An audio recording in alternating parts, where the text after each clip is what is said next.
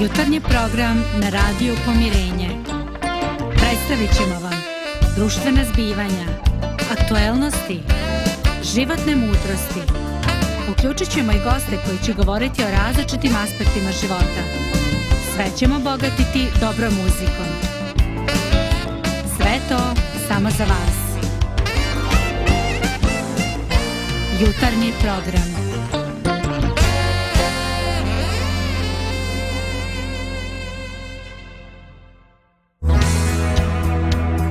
Šarenilo čudesne boje u ljudima.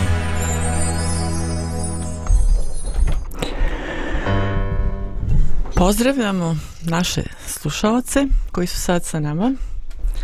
Malo vam se tim naš osuo, ali evo skupljamo se malo pomalo. I ovaj danas je većina tima ovdje s vama. A inače ovaj pozdravljamo znači Božidara i, i Zdravka. Evo, Božidar baš utrčao.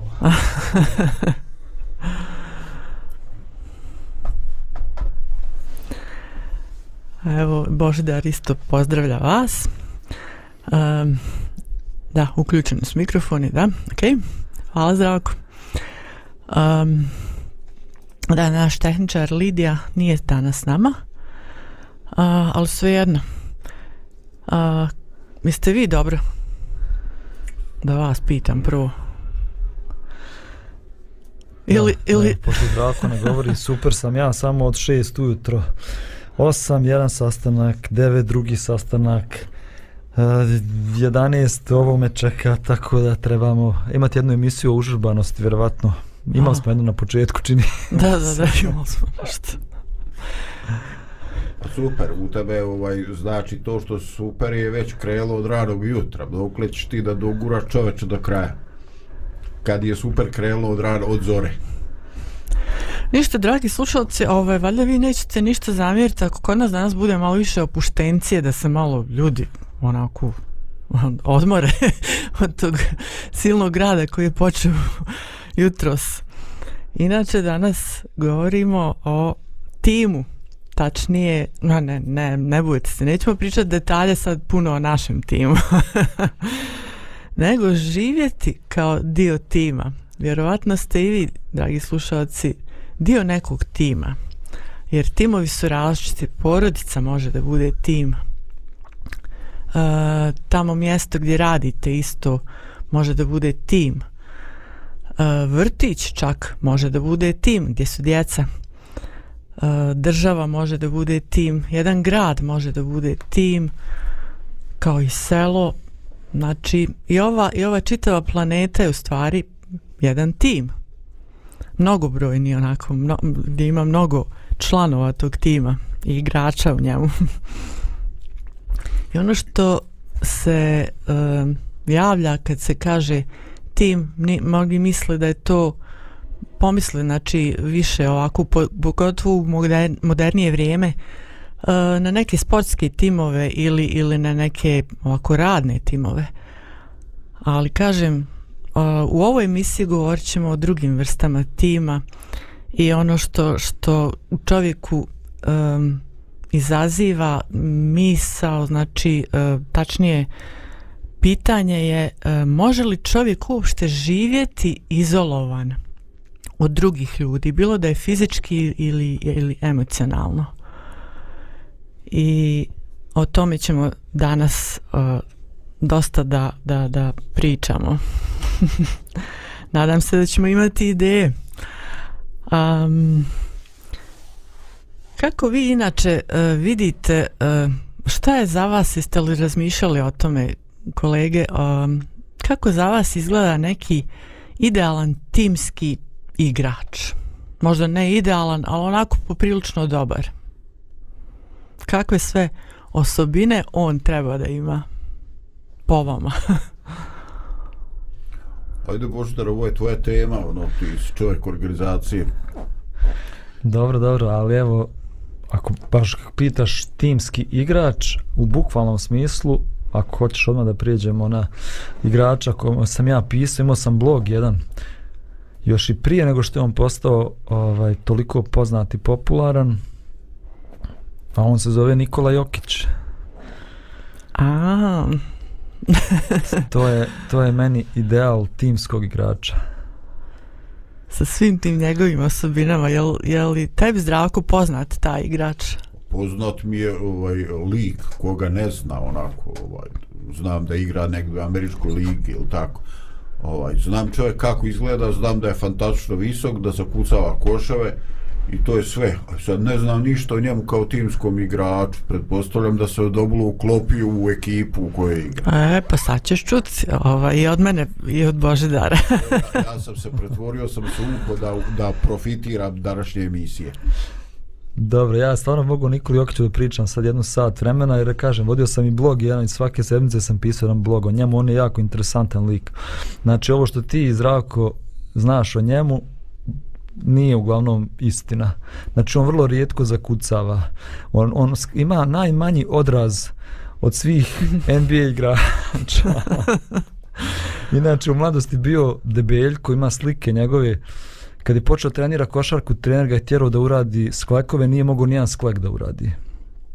I dok je igrao i ovdje, kad je otišao u Ameriku, imao je uvijek višak kilograma, evo tek zadnjih godina je on to malo ali još uvijek on nema te neke atletske predispozicije koje imaju ovi ostali igrači. Mhm. Kako me nema, pa vidi koliki je čovjek. Ono, što On- će skakat kad je već narasto dovoljno, ne mora ni skakat. Da, ali eto on ima neke osobine koje ga izdvajaju od ostalih igrača te NBA lige, zbog čega je bio proglašen dva puta MVP, to znači najbolji igrač lige zadnje dve godine. A to je da je on jedini centar koji uspije na utakmici da ostvari triple-double, a to znači da ima preko 10 poena, preko 10 skokova i 10 asistencija. Znači, to je nešto što njega razlikuje od ostalih igrača. Što on više voli da asistira nekom drugom, da taj drugi da koš nego on sam. I jednog su ga pitali kao, pa zašto ti više voliš da asistiraš nego da daješ koševe? On kaže, zato što kad asistiram onda su dvojica sretni. A kad samo ja dam koš, onda sam samo ja sretan. I tako, eto, zanimljivo je isto da ja sam to malo pratio ranije u kojoj, koji god igrači s njim igraju, oni imaju pozitivan uh, taj net rating, ili kako kažemo, pozitivan utič, učinak na utakmici. Da, da. Bez njega su svi u minusu, a sa njim na terenu su svi u plusu, što znači da on čini sve ostale igrače boljim. Mm, znači, to su osobine tog timskog igrača. A inače, ja sam... kaže Kaži zdravko. A ovaj, evo ovo što priča ovaj Božidar, to nije samo timski igrač, to je osobina uh, perfektnog vođe tima. Tako men to zadojim. Iako, a, ova, a nisam znao da je, vidiš, nemam ja, to nikad nisam igrao košarku, iako sam visao 193. Nisam znao da je da zakucavanje kad skačeš, ja sam mislio ono, zakucavanje kad daš koš. Dakle, ja sam baš ono antisportski tip. Božidar, evo, prihvatam sve što na moj račun kažeš ovaj, da, nisam pogodio, pa nisam ni znao, znači nisam znao šta znači red zakucati. Ajde, dobro. A ovaj, što se tiče Vjerovatno Nikol, nisi nikad u životu zakucao. Nikole Jokića, ovaj, um, ja, ja sam antisportski tip, znači, a što se tiče košarke, isto tako, znači, jednom Kao sam ja. tražila, jednom sam tražila nešto ovaj po internetu um, i naišla sam na neki čudan, uh, kreativan zapravo naslov gdje piše, spominje to ime našeg igrača, znači sa ovih prostora. A, I to me malo zainteresovalo, ajde reku da vidim. Iako ja sam košarku smatrala uvijek kao to je gomila nekih nabildanih znojavih tamo tipova koji zabadaju svoj lakat, ne znam, u, u, u bubrege svom um, protivnik, ne mora biti protivnički igrač, može i ovom drugom, eto sam da je on ispadne zvijezda, eto, da, da on više da koševa i šta znam. Međutim, kad sam otvorila ovaj video, onda vidim da, da, da je to pitanje skoro kao umjetnost, da ne kažem balet, dobro. Um, on ne izgledaju baš kao baletani, ali stvarno ovo dodavanje Nikole Jokića je baš bilo umjetnost i onda sam ga i nastavila pratiti. To se dešavalo eto u zadnjih par mjeseci. Ovaj, inače, on je, um, najpodcijenjeniji igrač NBA lige. To većina igrača misli, bez obzira što nisu iz njegovog tima, mnogi komentatori, treneri, jer oni misle pozitivno o njemu. I oni misle da je on pouzdan igrač, pouzdana osoba, da je timski igrač, kao što je već Božda rekao, jer svakom obezbjeđuje prostor da se iskaže na način kako ta osoba može da je ludo dobar igrač. A inače, e, jedan trener kaže za njega um, kad su ga pitali e, šta ga to impresionira kod Nikole Jokića, kaže on najviše od svega on čini da imam osmijeh na licu. On se kaže mnogo dobro zabavlja, neuobičajen je i ne izgleda kao da je dio svega ovoga. Kaže, i ranije sam rekao, on izgleda kao visok, debeljuškast momak koji nema, da tako kažem, zaista definisane mišiće. On nema atletski izgled, ne trči gore dole po terenu, ne iskače iz teretane. A onda vas kao od šale sredi, jer je tako spretan, pametan, potpuno nesebičan. Kombinujte sve ove stvari i imate super momka za igru. Iznad svega, on pronalazi ljude. I kad oni dobiju loptu, srećni su. A on dodaje veoma često. Super, evo dodam još malo o njemu. Mm. Znači, interesantno je to također. On je izabran kao 47. pik na draftu. Znači, na svake godine mladi igrači koji dolaze u NBA ligu idu na draft i tamo ih biraju timovi. I onaj prvi koji bude izabran, to je najbolji igrač i svi su, sve kamere su njega u, usmjerene. Kad je Nikola Jokić bio na draftu te godine, nini bio tamo u Americi, bio je kući dok su njegovo ime čitali, bila je reklama Taco Bella. Nije ni slika njegova bila. Kao 47. tamo neki igrač, nebitan skroz. Ali eto kao 47. igrač postao je igrač koji je dobio MVP uh, titulu, znači najboljeg igrača, a najnižu poziciju na draftu imao. Do sada je bilo možda 14 ili tako nešto da je to uspio, a on 47. Onda, zanimljivo je to da on kao takav, sad je popularan, sad je zvijezda, on nema Twitter, on nema Facebook, Instagram, ovi svi ostali, znači to se twita, ne znam nija, njega to ne zanima uopšte. On se bavi konjima. Da, znači da, on ima svoje konje, ovaj, u Srbiji tamo ima svoju ergelu, to prati, svako ljeto vraća se nazad u Sombor, cijelo ljeto provede u Somboru sa svojim konjima. Interesantno je također kad gledate te zvijezde, NBA zvijezde, koji zarađuju milione. Znači, i Nikola Jokić je sad dobio maksimalan ugovor, znači dobija 250 miliona dolara za četiri godine, ja mislim. Ali ove sve ostale zvijezde nose one debele alke, uh, zlatne lance. Uh, na primjer, kad oni putuju te ti poznati all-star igrači, kad oni putuju sa svojim timom, oni odvojeno idu. Ovi svi idu nekom jeftinom klasom, a on ima svoju, ovaj, ili svoje vozilo, ili neće s njima ni da treniraju, ni ništa. A kažu za Nikolu, kad on dođe u salu i sad vidi tamo neki igrač iz njegovog tima trenira, on ode na sporedni koš i ubacuje na sporedni koš. Iako on im dobija 250 miliona, iako je on MVP lige, on ode na sporedni koš. A to nezamislivo za ove LeBron Jamesa i, i, da, da, da. i ostale. Znači, on je jedan jako skroman čovjek, jako nesebičan igrač, kao što si ti rekla, on živi za tim. Znači, njemu je, on je i više puta govorio da mu ta priznanja individualno ništa ne znače. Da on želi da tim dobija priznanja, ne on.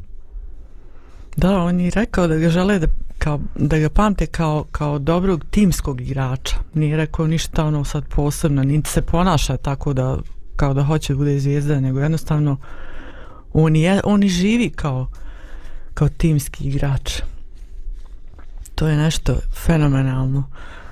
Ovaj, evo, čuli smo u ovom svemu možemo da zaključimo kako bi izgledao otprilike prilike uh, kakve bi bile osobine onog, onog dobrog ili, ili možda super timskog igrača. Neko ko daje sebe za tim, ali još uvijek ne gubi svoj identitet, naravno, koji još uvijek i pametan i ima mudrost, ali ima uvijek srce za ljude jer voli i sebe, a i druge. Ništa, sada ćemo da napravimo jednu malu pauzicu, pa ćemo onda nastavimo dalje.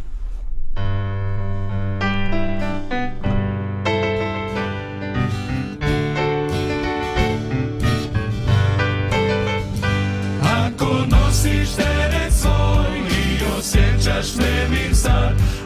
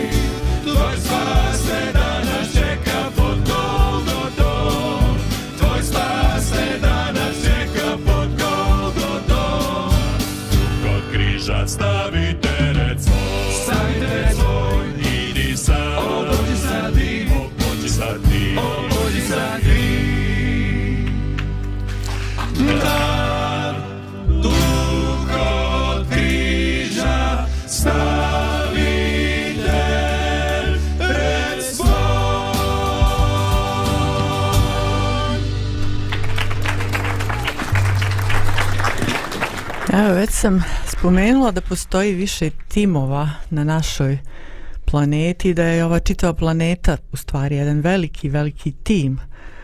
I čovjek je društveno biće. I to nam nekako daje uh, poticaj da mislimo da nama stvarno treba drugo ljudsko biće da bismo preživjeli. Jedino baš u nekim ekstremnim situacijama um, koje baš nisu ni česte niti nam se trebaju desiti. Ali šta bi, šta bi bilo ono što, što stvarno se treba nama dešavati i to svaki dan? Tačnije, um, društvo, da li vi mislite da ima neke prednosti u tom da čovjek bude povezan sa ljud, drugim ljudskim bićima, da sarađuje s njima, pogotovo na tom svakodnevnom nivou i šta je, šta je dobro um, u tome da je čovjek dio tima. Znači koje su pozitivne stra, strane tima, ne samo timskog igrača, nego šta, kakva je korist, da kažem, pod navodnim Pa znacima. vidiš, možda je malo smiješno, ali ja kad te slušam, razmišljam o tome da je čovjek kao biće nastaje na potpuno drugačiji način nego, na primjer, e, gljive ili neko drveće. Tamo drveće, lipa, dune, vjetar i uzme onu sjemenku lipe i raznese i tamo negdje nikne novo drvo. Ovaj, mi se ljudi rađamo u porodici. Ne samo da se rađamo u porodici, nego značajan dio vremena kad se rodimo, mi smo potpuno bespomoćni i upućeni na pomoć drugih. Ajde, za, za razliku od nekih životinskih vrsta, jel tako, koje su jako brzo, ova, ako niš drugo, samostalno hodaju. Nama treba desetak mjeseci, godinu dana da počnemo hodati povala. Ovaj, dakle, e, sam ljudsko biće tako je ustrojeno kao biće kolektiva. e, kao biće koje razvija svoju sposobnost da živi sa drugim ljudima e, da osjeća da ima nešto što su lične, lične potrebe ali nešto potrebe kolektiva dakle mi se jednostavno e, odrastajući učimo da smo dio nečega na početku je to porodica a kasnije spominjala si vrtić, škola, šta sve može biti kolektiv. Dakle, e, to je nešto što e, definitivno je e, osobina ljudske vrste. Tako smo koncipirani, tako se rađamo, tako nastajemo i sve što bi bio neki drugačiji pokušaj, mislim, da odlači čovjek od njegove suštine. Mm -hmm, hvala ti. U meni sad padaju na pamet razne slike. Čitam jednu knjigu uh, o drveću. Život drveća, tako se zove. I zanimljivo je to isto da drveće voli da živi u zajednici. Šuma je jedan veliki organizam i svako drvo je povezano u šumi. Oni imaju čak svoj internet, a to je to su njihove sistem korijenja kojim su sva drveća u šumi povezana i kad najđe neka, neka ne, nevolja ili neki neprijatelj, drvo koje je napadnuto šalje signal preko svog korijenja i obavještava svo drveće u šumi da je došao neprijatelj i oni su spremni da dočekaju neprijatelja. Znači, cijela priroda nam govori o tome. Čitao sam također, jedan konj može da povuče oko 800 kg tereta, a dva konja mogu da povuku 3,5 tone tereta. Wow. Znači, mnogo više dva konja zajedno mogu da povuku nego što bi pojedinačno svako od njih ovaj mogao da, da ponese. Tako da i naravno da smo i mi ljudi stvoreni za zajednicu. Ja evo vodim jednu grupu podrške za ljude koji se bore sa zavisnostima i osnovno pravilo u svakoj zavisnosti jeste da zavisnost ne možeš pobijediti sam moraš imati ljude oko sebe. Moraš imati nekog ko će da te prihvati, da te voli, da te bodri, da te motiviše. Mm, ovo je ekstra. Um, znači ipak nam treba drugo ljudsko biće. Makar to bilo jedno ljudsko biće u toj situaciji ali ipak neko ko je, ko je izvan nas da tako kažem. Uh, Eh, I prije par hiljada godina, znači ovo nije ništa što, što govorimo neka moderna psihologija ili filozofija, nego prije par hiljada godina mudri Solomon je u svojim spisima zapisao i ovo. Um, kaže on, uh, bolje je dvojici nego jednome, jer imaju dobru dobit ili platu od svoga truda. Jer ako jedan padne, drugi će podignuti druga svoga. A teško jednome ako padne, a nema drugoga da ga pod, podigne. Još ako se spava u dvoje, jedan grije drugoga, a jedan kako će se zgrijati. I ako bi ko nadjačao jednoga, dvojica će se oduprijeti. I trostruki konopac neki da se lako. Ekstra. Društvo, što vi mislite o ovim stihovima? Jeste nekad razmišljali ovaj, kako bismo nekako možda preveli ovaj praktičan život? Mislim, ovo je dovoljno praktično kad se vidi ovako šta piše, ali kako bismo još shvatili ovo, ovo što je mudri Solomon napisao i da li se može primijeniti na druge neke stvari? Pa mene to ovako na prvu da bi imali neke praktične vrijednosti asocirana boravak u prirodi ovaj e, u šumi planini.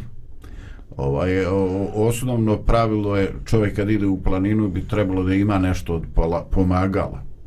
Ovaj, trebalo bi da ima nešto pri ruci. I drugo e, čovjek kad god je to moguće ne bi trebao da bude sam. Dakle ovaj eh, 10 km do sljedeće autobuske stance i gradskog prevoza nije ništa. Ali 10 km u šumi, bez staze, bez lokacije, može biti strašan problem. Ovaj, e, jednostavno, e, ja razmišljam kako se ljudi uopšte usuđivali odlaziti sami ili čak u paru u šumama kad nije bilo te GPS lokacije, kad se izgube kad ovaj e, kad trebaju javiti gdje su, kad ne znaju gdje su. Dakle, dovoljno je da čovjeku jednostavno da ugane gležen, skočni zglob. Čovječ, ti imaš problem, ti ne možeš nikuda. A nema nigde čovjeka, nema nigde nikoga. Još ako je negdje u Mećavi ili negdje neka neprilika. Mama, neka bude ljepota, nek budu gljive i jagode oko tebe, nek budeš ljepota jedna. Ti ne možeš više hodati. Znači, ako imaš jednog čovjeka, onda ćeš uzeti neku drvenu raču, neki štap, pa ćeš se podupirati, a drugom ćeš zagrliti čovjeka do sebe i on tebi staviti ruku preko leđa i ti ćeš šepati i otićeš do najmećeg blesta gdje može doći automobil da te pokupi. Ali kad si sam, šta da radiš čovječe? Mislim, šta da radiš? Dakle, E, definitivno postoje neki uslovi koji su drugačiji od uslova urbane sredine, gdje je sam čovjek previše rizikuje i vjerovatno je u situaciji koja nije ni malo mudra. Dovodi sam sebe u situaciju koja je nepredvidiva. Hmm. Hm. Možemo puno da pričamo, ne znam, ja sam u životu imao mnogo iskustava i uvijek sam uvijek sam i radio nekako u timu. Ove, ne znam, evo u Sarajevu kad sam bio tamo smo radili taj projekat Let's Do It i bilo nas je 12 na početku i svako imao neki različit dar i svako je sa tim svojim talentom i darom doprinosio timu. Znači zajedno možemo da uradimo mnogo, mnogo više nego što možemo pojedinačno da uradimo. Zato što tu imamo mnoštvo različitih talenata, različitih sposobnosti koji kad se udruže ništa nije nemoguće. Bože, šta li je to, kakvo je tvoje iskustvo? Ti kažeš jedan konj vuče 100 kilograma, a dva konja vuku kao tri konja pojedinačno. E, kako je tvoje iskustvo s ljudima? Ako čovjek vuče 100 kila, koliko vuku dva čovjeka? Jel, Jel to u prenesenom značenju ovaj 100 kila ili ma mislim kako god eto ono, ja malo ovaj pokušavam da da pitam kakvo je tvoje iskustvo od ovaj jer vuku makar 200 kila Pa dobro, da, ne, ne vučemo mi teret, ovaj, ali sigurno u poslu, kad se udružimo, kad zajedno stremimo za, za ostvarenje nekog cilja, sigurno radimo mnogo više nego što možemo da pojedinačno uradimo, ni duplo više nego što bi ja sam mogu da uradim, ćemo ako to radimo zajedno. Hm. Da, ovdje se ovim stihovima inače, znači, kažemo, ovo, ovo nije nešto što se pojavilo zadnjih stotinu godina ove misli o tom nekom zajedništvu. Pogotovo sad kad je u zadnje vrijeme uh, popularnije da, da se ističe pojedinac nekako i da se u, u, m, ističe ta samosvijest pojedinca u onom negativnom smislu. Ali još uvijek ljudi trebaju onog drugog, znači neko drugo ljudsko biće. I ovo je uh, otkad je, otkad je svijeta i vijeka ovaj, bilo u mislima ljudi, neki su evo vidimo i zapisali to i ostalo je čak i do dana zapisano, znači da ta potreba čovjeka za, za drugim ljudskim bićem ništa i sad ćemo da pravimo a, jednu malu muzičku pauzicu pa onda pričamo o nečem uh, isto o timu, ali čućete o čemu zapravo pričamo.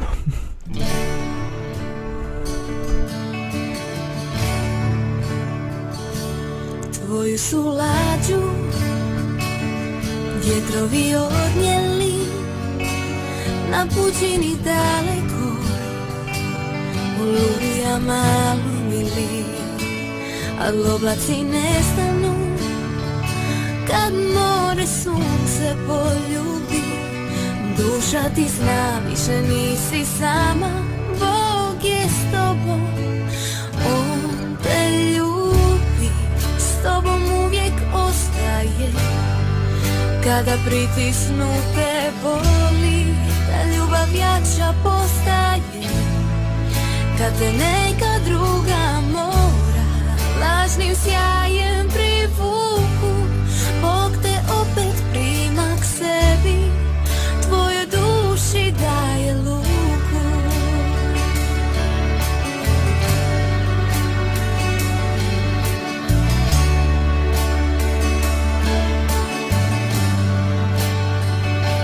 tvoja se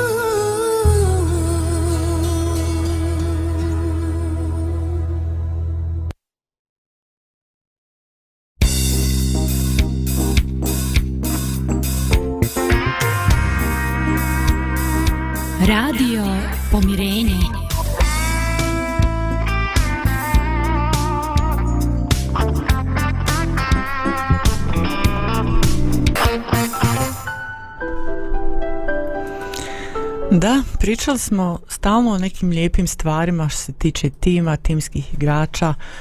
I sad vi možete pomisliti, pa čekaj, o čemu sad ti pričaš, znaš ti kakav je realan život, znam, i ja živim isto u tom velikom timu ili malo manjem svejedno kako kad. I znam kako je živjeti i sa drugima, znam kako je živjeti sa samim sobom, znači, jer svako od nas ima neke svoje, ne baš tako lijepe osobine, a pogotovo kad se skupimo u, u jedan tim, onda i tad možemo da izrazimo te svoje negativne osobine.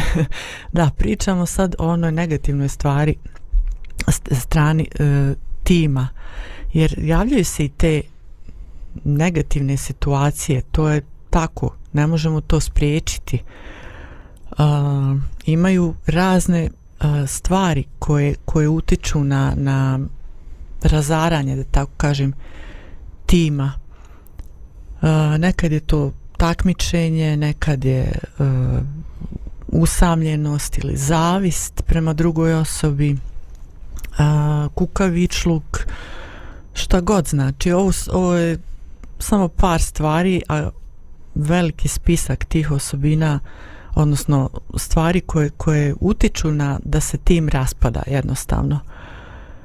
A, šta vama društvo najviše upada u oči a, kad se spomene to negativ, što negativno djeluje na postojanje tima? Ne mora biti samo jedna stvar, može biti više. Da li ste, neću reći čime ste vi nezadovoljni što se tiče nekog tima, nego jednostavno šta ste vi primijetili šta dosta utiče na, na, na razaranje nekog tima.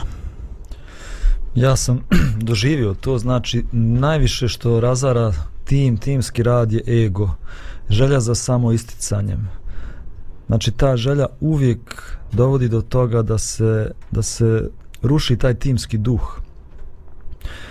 Ovaj, imao sam takvih primjera ovaj, u životu u životu dosta. Ono što također može da da ruši timski duh je kada članovi tima ne prihvate ulogu koju imaju nego bi više voljeli da imaju ulogu nekog drugog ne znam, u svakom timu zna se ko šta radi i u svakom timu mora da postoji lider mora da postoji vođa kod nas se kaže, zna se ko kosi a ko vodu nosi znači jedan i drugi je važan ali zna se ko kosi a ko vodu nosi. U sportu zna se ko je zadužen da najviše golova da ili da najviše poena postigne, a zna se ko je zadužen da igra odbranu i sve je to važno.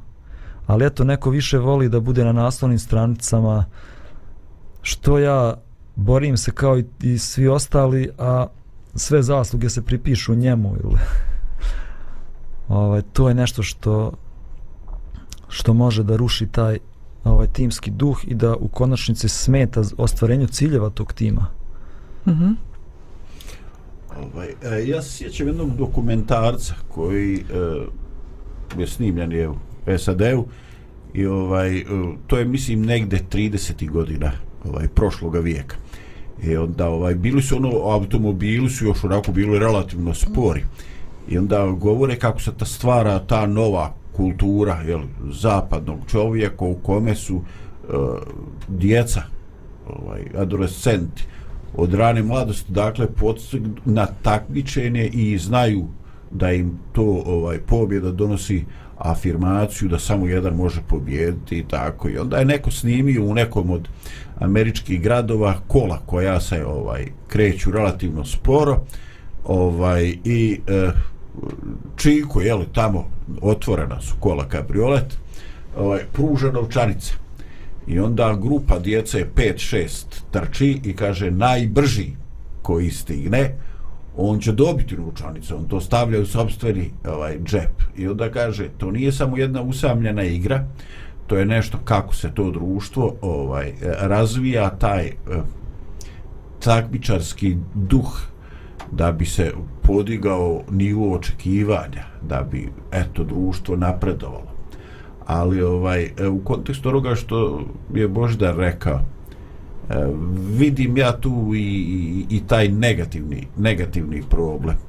Jer ovaj oni koji ne stižu, koji ne dobiju tu kintu, kako se oni osjećaju. S druge strane, kad stavim to kao oštru suprotno sa onom priču o afričkom plemenu trčite pa ko bude najbrži dobije onu ogromnu ogromnu činiju za voće i kaže ne za prepašterje evropejaca o, djeca se u Afrike uhvatila su se za ruku i zajedno trče i zajedno dotrčala. I kad su pitali čekaj što to radimo? Oni kažu u buntu zajedno. Jer mi kad smo zajedno stikli mi ćemo svi sjesti poješćemo to u oči i puno naš će biti sretno. Niko neće ostati gladan. Dakle, e, svaka civilizacija ima neke svoje rezultate, neke svoje dosege i ovaj ima svoje ciljeve, ali nije uvijek baš sigurno kako će to odraziti i kakve će rezultate donijeti u nekoj konačnoj liniji ili na dugu stazu. Mhm. Mm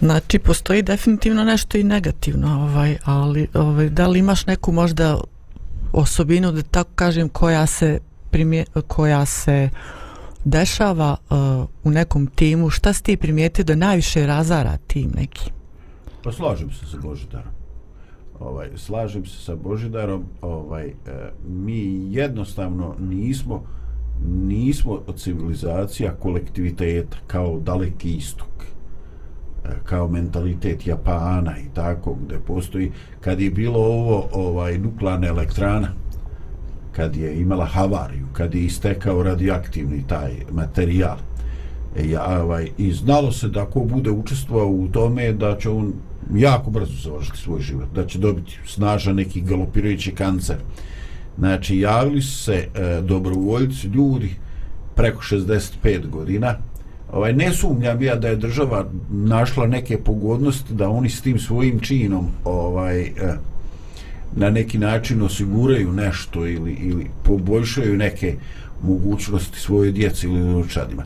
Ali ovaj Oni su znači svjesno otišli da odrade jedan dio posla, da budu žestoko ozračeni i onda su dobili svu tu neku skrb ili pomoć e, zemlje da što bezbolnije privedu kraj svoj život.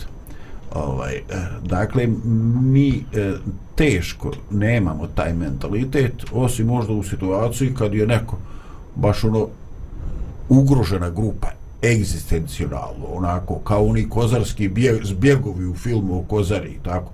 Pa moraš biti junak, ti go, ti to je ne htio, ili nema ko.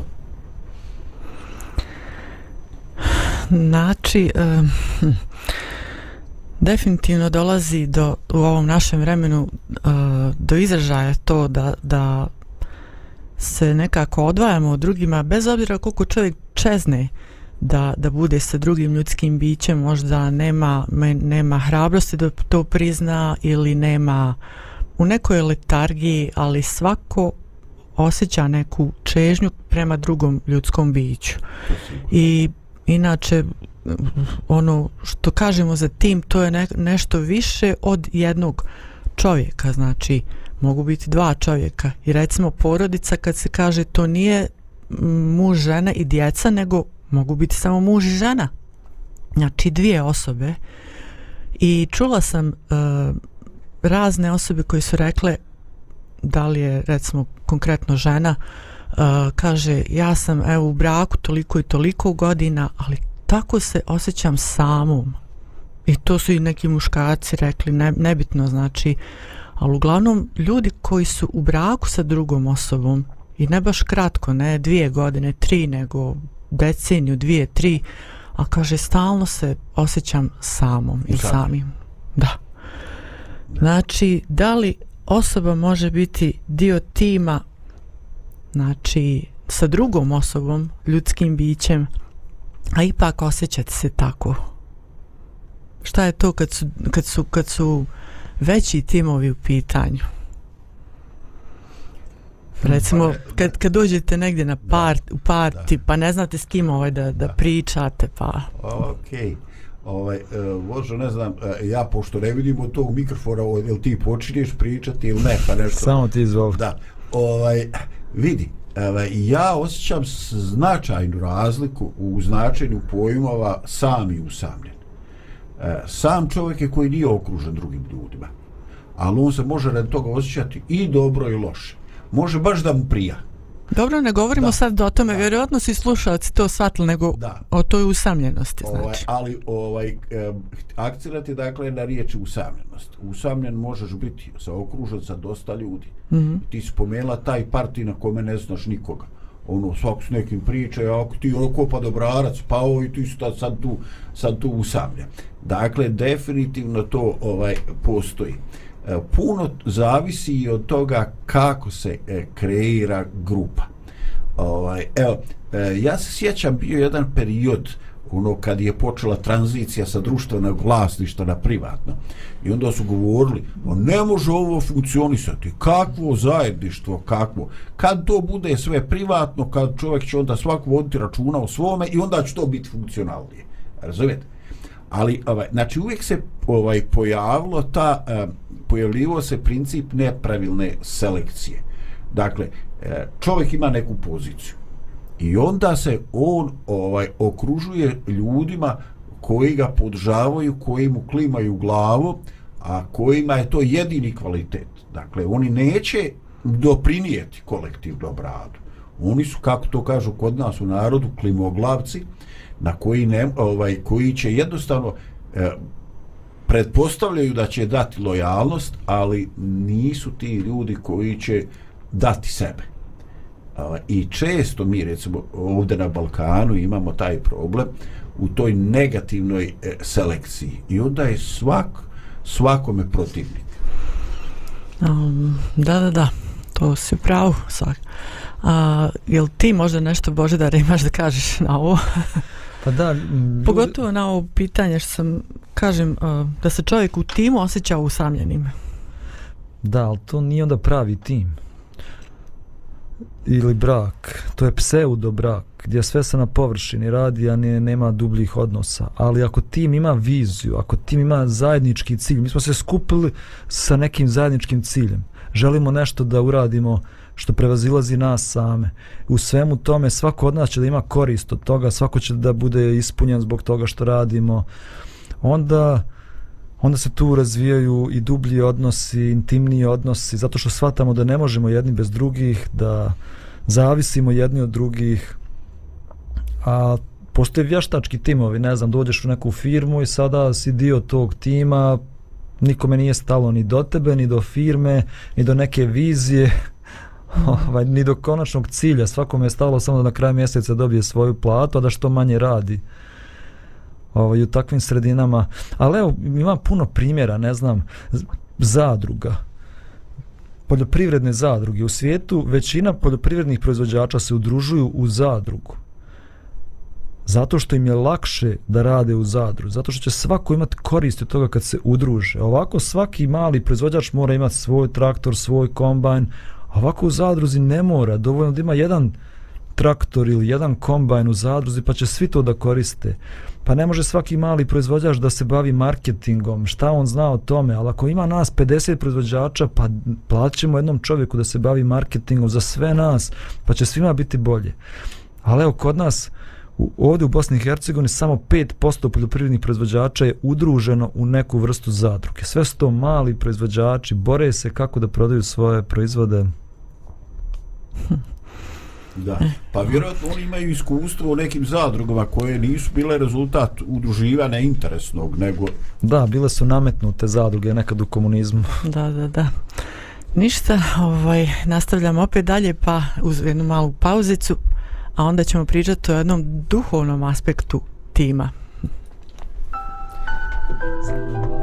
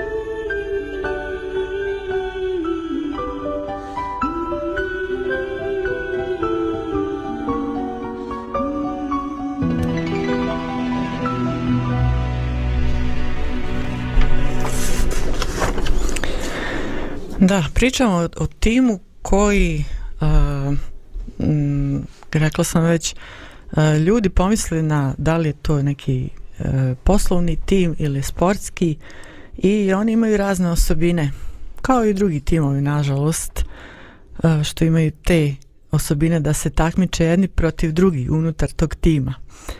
Ali uh, ima jedan drugačiji tim. On je bio u prošlosti, ali je ostavio duboke tragove čak i u našem vremenu. Radi se o timu koji je bio sačinjen od Isusa i njegovih 12 učenika. Imali su totalno uh, drugačiju uh, drugačije aspekt, osobine nego, nego današnji timovi. Mada pokazivalo se nešto i od onog ljudskog u tom timu, ali s obzirom na njihovog vođu taj tim je stvarno postao nešto posebno. I kažem ostavili su tragove i u ovom vremenu. A, moje kolege su upoznate sa, sa um, izvještajem o ovom timu i doživjeli su um, dosta tih događaja što se tiče a, djelovanja samog vođe tog tima. Da li biste vi mogli nešto reći kako vi gledate na, na Isusa i 12 učenika kao neki primjer za nas danas, kako da ljudi budu što, što bolji, ne samo kao uh, radnici, igrači, nego kao, kao čovjek. Pa to men prije svega govori kakav treba vođa da bude. Oni su imali Nikolu Jokića, ili bolje reći Nikola Jokić se ugledao na, na Isusa. Zato što Isus koji je bio vođa te grupe, a vjerujemo da je bio i nešto mnogo više od čovjeka, je prao noge svojim učenicima i govorio za sebe da je on došao da služi, a ne da mu služe. On je bio sluga svojoj grupi, svom timu. I to je njima bilo teško da prihvate i teško da nauče. Trebalo je puno godina da nauče da biti dio tima znači biti sluga sluga drugima. Šta ti misliš, Zdravko? Pa mislim, od prilike isto tako. Ovaj, ja, evo, moj dojam je da, eh, da su oni jako dugo vremena pokazivali osobine standardnog, uobičajenog ljudskog tima ili para tima, ili eh, para zajednice, da su oni imali sve probleme koje mi vidimo danas ovaj, i vidimo, dolazi mati i kaže, de Isuse, kad ti se zacariš, de da ovi moji sinovi malo progura i da budu on neke face, da budu glavnije baje, minist, ne znam pojma šta je žena željela. Ovaj, I tako, znači, bilo je to, bilo je tu svega, e, ljubomore, bilo je bijesa prema onima koji nisu dio grupe. Kaže, Isuse, de reci da ovaj, siđe oganj, ovi sve fino da se popali. Isu kaže, ljudi, kakvog ste vi duha? E, suštinsku razliku koju ti ovaj, Dragana e, očito želiš naglasiti vidimo da se ona dešava na duhove da se ona dešava nakon Isove smrti vaskrsenja da se ona dešava u gornjoj sobi. E, kad, gdje im je rečeno ovaj, ostanite u Jerusalimu u gornjoj sobi dok se ne obučite u silu sa visine. Dakle e, bojim se da je to doseg i naši grupa. Koliko mi pojedinačno puštamo da Bog utiče na nas, toliko smo efikasni u realizaciji grupnih ciljeva. Pogotovo kad su to neki duhovni ciljevi. Mm, hvala. Možemo ovaj, krenuti još malo sa muzikom, a onda ćemo se oprostiti od naših slušalaca.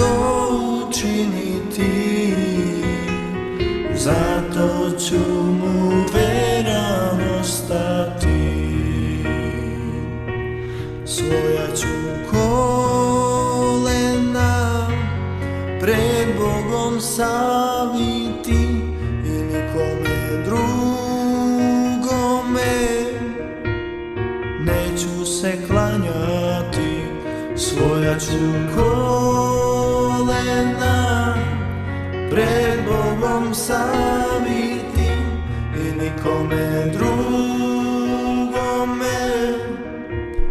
neću se klanjati.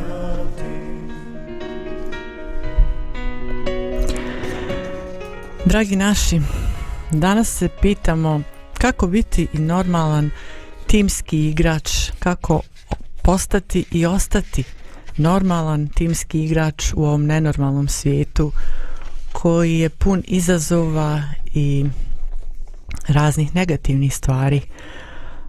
Ali evo imamo odgovor ko nam u stvari može pomoći, ko je naš najbolji suigrač u životu, a to je Bog koji nas može svojim duhom preobraziti, jer sva naša mučenja sa samim sobom mogu trajati dok taj njegov duh ne počne u stvari uticati na nas, dok ne uđe u nas i naš život, da bismo mi mogli ispoljavati to što je dobro.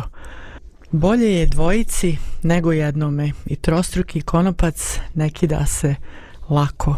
Bolje je nama i sa Bogom i bolje nam je i sa ljudima i nadam se da ćete zapamtiti ovu misao da će vas to dalje ohrabriti. Slušamo se uskoro. Bye.